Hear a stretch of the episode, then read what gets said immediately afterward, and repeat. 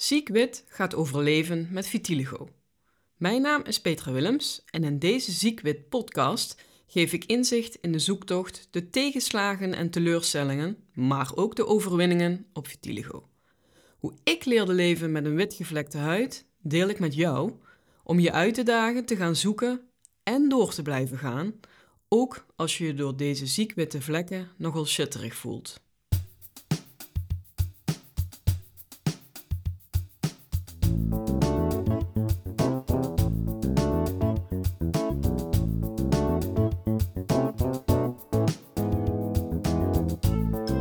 Dit is jouw Ziekwit podcast, aflevering 1. Leer er maar mee te leven. Ik ben opgegroeid in het smalste stukje van Nederland. En je hoort het misschien al, dat ligt in het zuiden. En dat dorpje waar ik opgroeide heet Zusteren. En ik woonde daar met mijn vader, moeder en mijn broer. En wij waren, ik denk wel, een typisch ondernemersgezin. Mijn ouders hadden een timmerfabriek en wij hadden de zaak bij ons aan huis. Dus het was er vaak ja, druk gevuld met veel mensen. En mijn ouders waren dan ook vaak bezig met de zaak. En ik trok mij heel vaak terug op mijn kamer, lezend met allerlei verschillende boekjes. En ik was dan ook reuze trots toen mijn vader een boekenkast voor mij had gemaakt. Een mooie houten en die verzorgde ik van top tot teen. Ik was ook echt een ja, verzamelaar van boeken. Ik was ook heel vaak in de biep te vinden om daar weer ja, nieuwe boekjes uit, uh, uit te zoeken. Want kennis, daar was ik dol op. Maar ook verhalen, daar kon ik me heel erg in verliezen. Buiten dat ik graag op mijn kamer was, ehm, was ik ook heel vaak buiten te vinden. Buitenleven trok mij enorm. Waar ik opgroeide was er ook veel groen. In de buurt was er ook veel bos. Het was een bosrijk gebied. En ik denk dat een van de eerste foto's die er van mij bestaan op het moment dat ik kan, uh, in ieder geval rechtop kan zitten, lopen misschien nog niet eens, dan zit ik helemaal onder de modder in zo'n pool, echt helemaal bedekt, helemaal onder de vlekken. Het buitenleven beviel me goed en ik keek dan ook altijd uit naar de lente, het voorjaar, ja, en met name de zon en de langere dagen. Het was voor mij een periode ja, dat ik weer naar buiten kon, kon gaan ontdekken. Want nieuwsgierig, dat was ik zeker. Dwalen buiten in de natuur. En ik keek dan ook altijd uit naar die momenten in de ochtend met de zonsopgang. In het latere leven zat dat nieuwsgierige eigenlijk nog steeds wel erin. Kreeg het iets meer een gestructureerde vorm door middel van scouting. Daar dwaalden we ook uren door de bossen op zoek naar de weg. En die waren we heel vaak kwijt. Het dwalen, maar dan het moment als je dan de weg weer terugvindt, dat was altijd de grootste beloning. En dat buitenleven, dat, eh, dat is wel iets wat we ook eigenlijk die lijn hebben doorgetrokken als we op vakantie gingen. Ik vertelde al, ik groeide op in een ondernemersgezin. Dus dat betekende dat we in de bouwvakvakantie ehm, altijd naar Frankrijk gingen. Stevast. Frankrijk, in het zuiden, Rossière. Een klein dorpje en op een camping waar de rivier doorheen stroomde. Dat was een hele bijzondere... De camping bestaat nog steeds overigens. Een hele bijzondere plek. En alles straalt daar eigenlijk het buitenleven uit. Wij vertoefden daar bij het water, onder de bomen. Ja, het was vaak heel erg heet, dus dan eh, was het vooral rustig aan. En misschien ken je die typische beelden wel van mensen die wat dan met een wc-rolletje over de camping dwalen. En s'avonds met een teltje in de handen um, de afwas uh, gaan doen. Het waren leuke tafereelen. En omdat wij er al jaren kwamen, um, ja, bouwden wij daar ook, ja, netwerk is wat groot gezegd, maar in ieder geval uh, kennissen op. En die kwamen wij dan natuurlijk ook vaker tegen. En op momenten dat ik niet met mijn neus in de boeken uh, zat, dan lag ik wel in het water te spetteren. Uh, of ik ging met mijn moeder op pad. En zo ook deze avond. Ik was een jaar of zes en ik struinde met haar over de camping. Op zoek naar een plekje om de afwas te doen. En mijn moeder zat met de handen in de sop toen een bekende mevrouw aankwam. En ja, zoals wij dan doen, dan begroeten we elkaar. Alleen deze keer was het iets anders, want mijn moeder haalde haar handen uit de sop, veegde haar handen af en reikte uit om een hand te geven. Maar deze mevrouw hield zich in. En ik snapte dat eigenlijk helemaal niet. En die mevrouw die bleef maar staren. Staren naar de handen van mijn moeder. En mijn moeder die snapte het wel en zij reageerde. Oh, dit is vitiligo. Het is helemaal niet besmettelijk hoor. En toen besloot die mevrouw dus wel een hand te geven.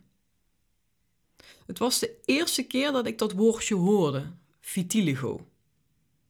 Ik kende het niet, maar ik kende wel mijn moeder met vlekken op haar, sowieso haar handen, maar ook in haar hals en ook op haar benen. Maar ik kende mijn moeder niet anders dan dat, dus ik vond het heel vreemd dat iemand daar zo op reageerde. Later vertelde mijn moeder wel eens dat zij een oom had die ook een witte pluk haren had. Blijkbaar heet dat poliosis, maar verder had ik er niet, erg, niet echt aandacht voor. De overige herinneringen die ik aan de zomer heb, zijn, zijn getekend door veel buiten zijn. Spelen in je bikini, ja, bij het, bij het water, urenlang met je beste vrienden daar ja, veel tijd verdoen met wat eigenlijk. Gewoon met buiten zijn. Ik denk dat het een van mijn vrolijkste en, en ja, waar ik veel vrijheid heb, heb gevoeld, dat dat juist die momenten zijn, daar buiten in de zon. En eenmaal thuis, ja, dan ging ik natuurlijk uh, checken hoe bruin ik, uh, ik was geworden. En muziek was bij ons thuis um, speelde best wel vaak een, een, een, grote rol. Mijn vader die zette dan heel hard de muziek aan en ik deed dat later ook. Waar hij U2 draaide, draaide ik Michael Jackson. Die knalde dan uit de boksen. Nou, en zo stond ik dan voor mijn grote spiegel op mijn kamer. Ik had daar een enorme kledingkast. En daar zat een, uh, hing een hele grote spiegel aan. Nou, en in die spiegel kon ik mezelf natuurlijk van top tot teen bekijken. Dus ook hoe bruin ik was geworden. Al dansend bekeek ik mijzelf van top tot teen. En op een gegeven moment ontdekte ik een witte vlek. En ik herkende dat natuurlijk wel, want ja, mijn moeder had vitiligo. Dus ik had er eigenlijk helemaal niet zo, niet zo erg in. Maar ik zag dat die vlek eigenlijk best wel groot was en het vormde een soort van ja, bikinibroekje. Maar ik vond het eigenlijk wel grappig. Ja, niemand kon het zien, want ja, het zat ook altijd onder mijn bikini. Het is inmiddels 2004. Ik ben 18 jaar en ik stap bij de huisarts binnen. Het leven voelt behoorlijk zwaar. Ik heb er totaal geen regie op en ik heb behoefte aan controle. Maar echte controle. Ik heb namelijk het idee dat het leven alle kanten opschiet en ik weet helemaal niet hoe ik daarmee om moet gaan. De huisarts die blijft maar vragen stellen, maar daar heb ik echt totaal geen behoefte aan. Ik heb geen zin om te praten, totaal niet. Dus ik houd dat eigenlijk af en ik vraag of ik doorverwezen kan worden naar het ziekenhuis. Dat doet hij. En op 18 april 2004 stap ik het UMC Maastricht binnen. Het valt me zwaar om door die lange gang te lopen en te beseffen dat ik in een ziekenhuis ben. Ik neem de geuren in me op en uiteindelijk, na lang zoeken, sta ik dan voor de kamer van de arts, de dermatoloog. Hij nodigt me uit en daar zit ik dan in die witte kamer met een man voor me met een witte jas. Ik heb geen idee dat wit dan echt een grote rol in mijn leven gaat spelen. Nou ja, deze man moet mij natuurlijk onderzoeken, dus hij vraagt mij om mijn kleren uit te doen en bekijkt de vlekken op mijn buik. En de diagnose is eigenlijk wel redelijk snel gesteld: vitiligo. Dat komt niet echt als een verrassing. Maar zijn woorden die hij daarna kiest wel. Ongeneeslijk ziek. Dat is wat hij tegen me zegt. Petra, je bent ongeneeslijk ziek. Ik heb nog nooit zo naar vitiligo gekeken op dat moment. Ik, ja, het zijn wat witte vlekken. Nou, hij legt me uit dat er geen oplossing voor is. Verder stelt hij me nog wat vragen over, over mijn gezondheid. En over de rol van stress. Zo jong, ik heb helemaal geen idee van wat stress überhaupt inhoudt. Dus hij probeert nog wat los te peuteren, maar ook daar heb ik eigenlijk niet heel veel zin in. Want die twee woorden die spoken echt enorm door mijn hoofd. Dus ik stap eigenlijk met heel veel vraagtekens naar buiten. En de enige vraag die ik beantwoord wilde was hoe moet dit nu verder? Ik heb geen perspectief. De arts die had geen oplossing voor ogen. Boah, wat heb ik me toen eenzaam gevoeld. En angstig, heel erg angstig. Want ja, wat als ik nou dadelijk helemaal wit word? En dat wit, oh, dat had mij helemaal in de tang. Ik werd er echt heel erg bang van. Ook die zin, of die woorden ongeneeslijk ziek. Het bracht me terug naar eigenlijk nog niet zo heel lang geleden, 2003. Mijn vader was toen overleden. Die kleurde ook wit. Dus wit heb ik heel erg gekoppeld aan de dood. En die lange gang waar ik je over vertelde, die lange gang in dat ziekenhuis in Maastricht, daar was ik nog niet zo lang geleden ook doorheen gelopen. Ook op weg naar wit, ook op weg naar de dood. Ik heb in een hele korte tijd heel veel mensen verloren die mij heel dichtbij stonden. Misschien kleurde ik wel wit van de stress, ik heb geen idee. Die veranderingen waren pittig, heftig. Als we het over stress hebben, denk ik dat ik heel hoog scoorde. En er kwamen in die periode daarna nog veel meer veranderingen. Ik ging studeren en verhuisde naar Nijmegen. Daarom moest ik veel keuzes maken. Maar ja, ik ging er eigenlijk liever niet aan staan, want ik moest doorgaan. Dat was mijn motto: doorgaan. En natuurlijk met de neus in de boeken. En dat kwam goed uit, want voor mijn studie moest ik heel veel lezen. En dat was voor mij een goede, goede afleiding. Misschien was het wel vluchten. En in die tijd,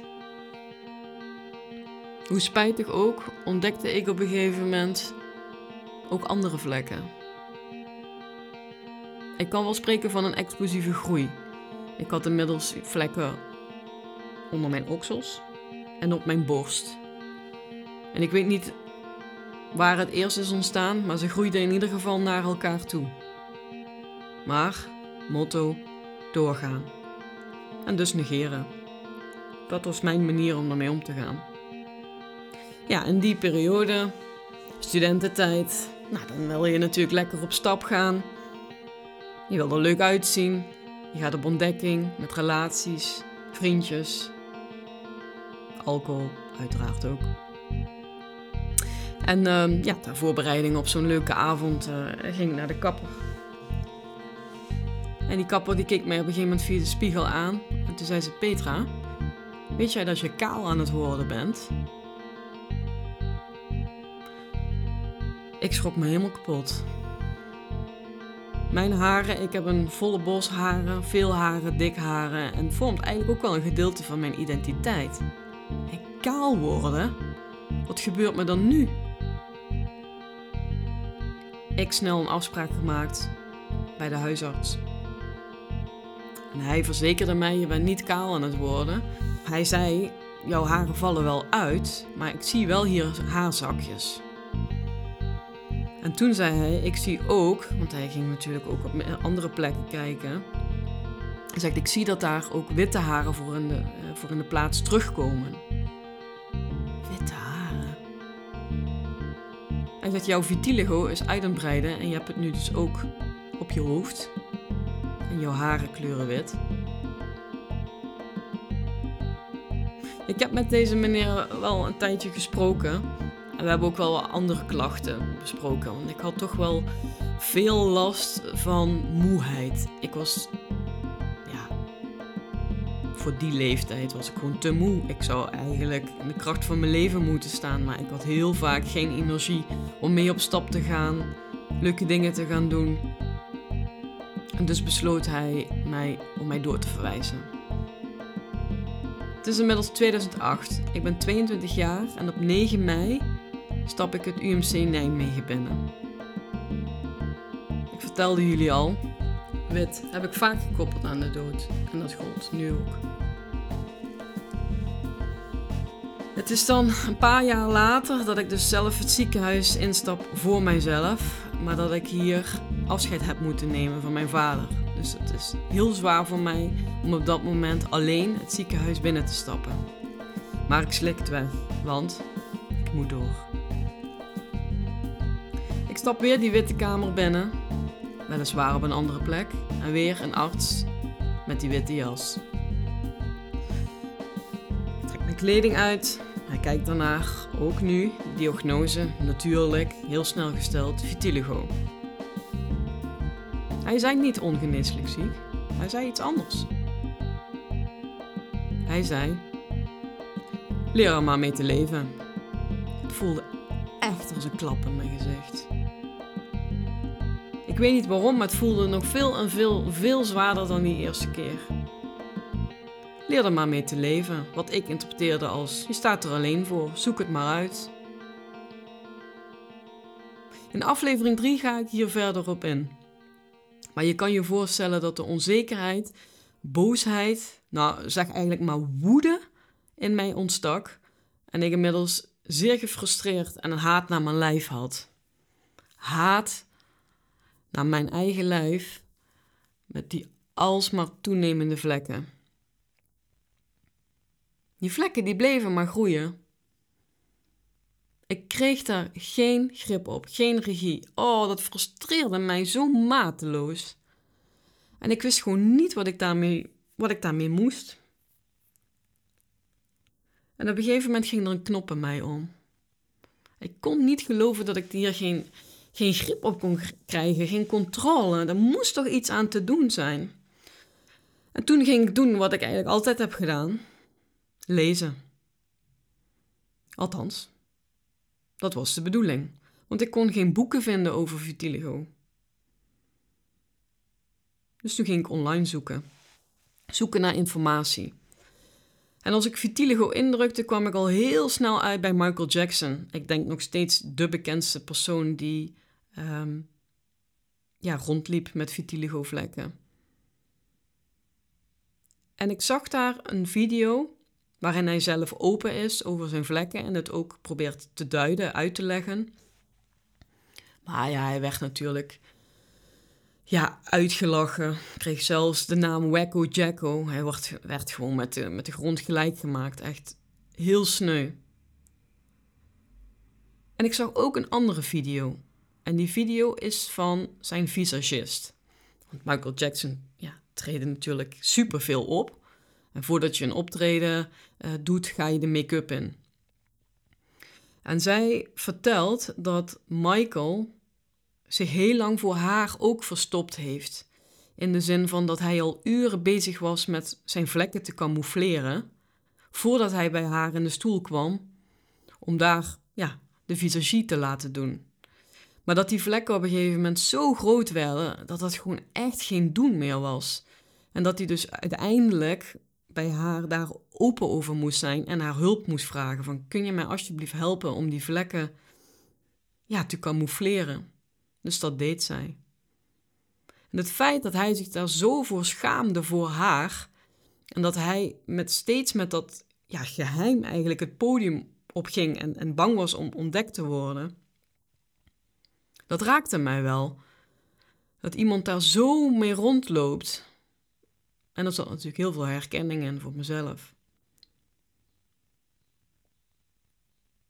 Verder zoeken, meer informatie. Ik kwam uit bij een aflevering van Je zal het maar hebben. BNN Vara, we kennen de omroep als taboe doorbrekend en dat bleek met deze aflevering ook. De presentator die interviewde een meisje met vitiligo en zij vertelde dat ze graag tennis speelde Um, Maar dat zij eigenlijk dat of niet meer deed of bedekt. Dus zij ging dan met een lang shirt ging zij tennissen. Ja, dat is natuurlijk totaal niet in vrijheid kunnen sporten. En dat zij haar geliefde sport ja, dus soms ook niet meer ging uitoefenen uit schaamte. Zij ging dus op een gegeven moment een teruggetrokken lijden. Want haar vriend, die kwam ook in de uitzending naar voren. En die vertelde dat ze ook graag uh, naar het zwembad uh, ging, maar dat ze dat nu niet meer deed vanwege die vlekken. En dat dat ook veel impact op hem had. Want hij zag dat zijn vriendin niet gelukkig was. Ik schrok hier wel van. Zij leeft dus een teruggetrokken leven. En dat had best wel veel impact op mij. Dus de urgentie om hier iets mee te moeten, die, ja, die groeide bij mij. Maar tegelijkertijd groeiden de vlekken ook enorm. Ik vertelde al, ik had het eerst op mijn buik. En toen op mijn borst en oksels. En toen op mijn armen. Binnenkant armen, buitenkant armen. En naar mijn handen. Bij mijn polsen grote vlekken. En stipjes op mijn vingers. En tot slot ook in mijn nek en mijn gezicht. Ik heb echt van die vlekken, ja, precies onder mijn, uh, onder mijn ogen. Ja, op een gegeven moment. Ik dacht, hoe moet ik, dat, hoe moet ik daar nou mee omgaan? Hoe moet ik dat nou nog camoufleren? Hoe, ja, ik, ik wist het gewoon echt niet meer. Hoe ga ik leven met vitiligo? Ik heb heel vaak mijn handen in de lucht gegooid en naar boven gekeken en gedacht en gevraagd van... Hoe ga ik hier nou mee om? Hoe ga ik hier nou mee leven? En ik kreeg antwoord. En dat antwoord was eigenlijk altijd heel duidelijk en resoluut. Ga doen wat je altijd hebt gedaan. Ga op onderzoek uit. Ga lezen. Ga informatie verzamelen. En omdat ik via mijn studie inmiddels had geleerd om dat op een gestructureerde wijze te doen, gestructureerd onderzoek te doen, dus kennis te verzamelen, maar ook die kennis te kunnen analyseren. Maar je moest ook goed kunnen observeren. Nou, dat heb ik gebundeld en maakte ik er een soort studie van. En in die studie kwam ik ook best vaak inspirerende teksten tegen. En die knipte ik dan uit of ik schreef die op en ik verzamelde alles in een boekje. Zodat ik er nog eens vaker doorheen kon bladeren. Zeker op momenten dat ik me niet zo lekker voelde. Of ik ja, gewoon het idee had dat me alles tegen zat. Dat ik er totaal geen zin meer in had. Dat boekje heb ik nog steeds en dat vul ik ook nog steeds met nieuwe inzichten, nieuwe verhalen of nieuwe informatie over de huid, over vitiligo. En elke aflevering zal ik met jou een quote of een versje delen. En ik wil je vragen om daar eens goed over na te denken. Wat, wat kan dat voor jou betekenen? Het vers wat ik nu met je ga delen, ik heb daar lang over nagedacht. Want die hing vroeger bij ons thuis op het toilet. Iedereen heeft denk ik wel zo'n quote of een versje op het toilet uh, hangen. Of heeft het wel eens bij iemand anders gezien. En omdat deze er al hing toen ik nog heel klein was, snapte ik er werkelijk niks van. Maar hoe ouder ik werd, hoe meer ik er in ieder geval een gevoel bij kon krijgen. En ik ben benieuwd wat het gevoel voor jou is. Slechte perioden zijn even belangrijk als goede tijden. Je wordt er sterker door. Als je accepteert dat verdriet een deel is van jouw leven, kun je er zelfs van genieten. Dit was aflevering 1 van de Ziekwit podcast Leer er maar mee te leven. Dankjewel voor het luisteren. En wil je meer? Luister dan volgende week zondag naar aflevering 2, De huid, ons grootste orgaan.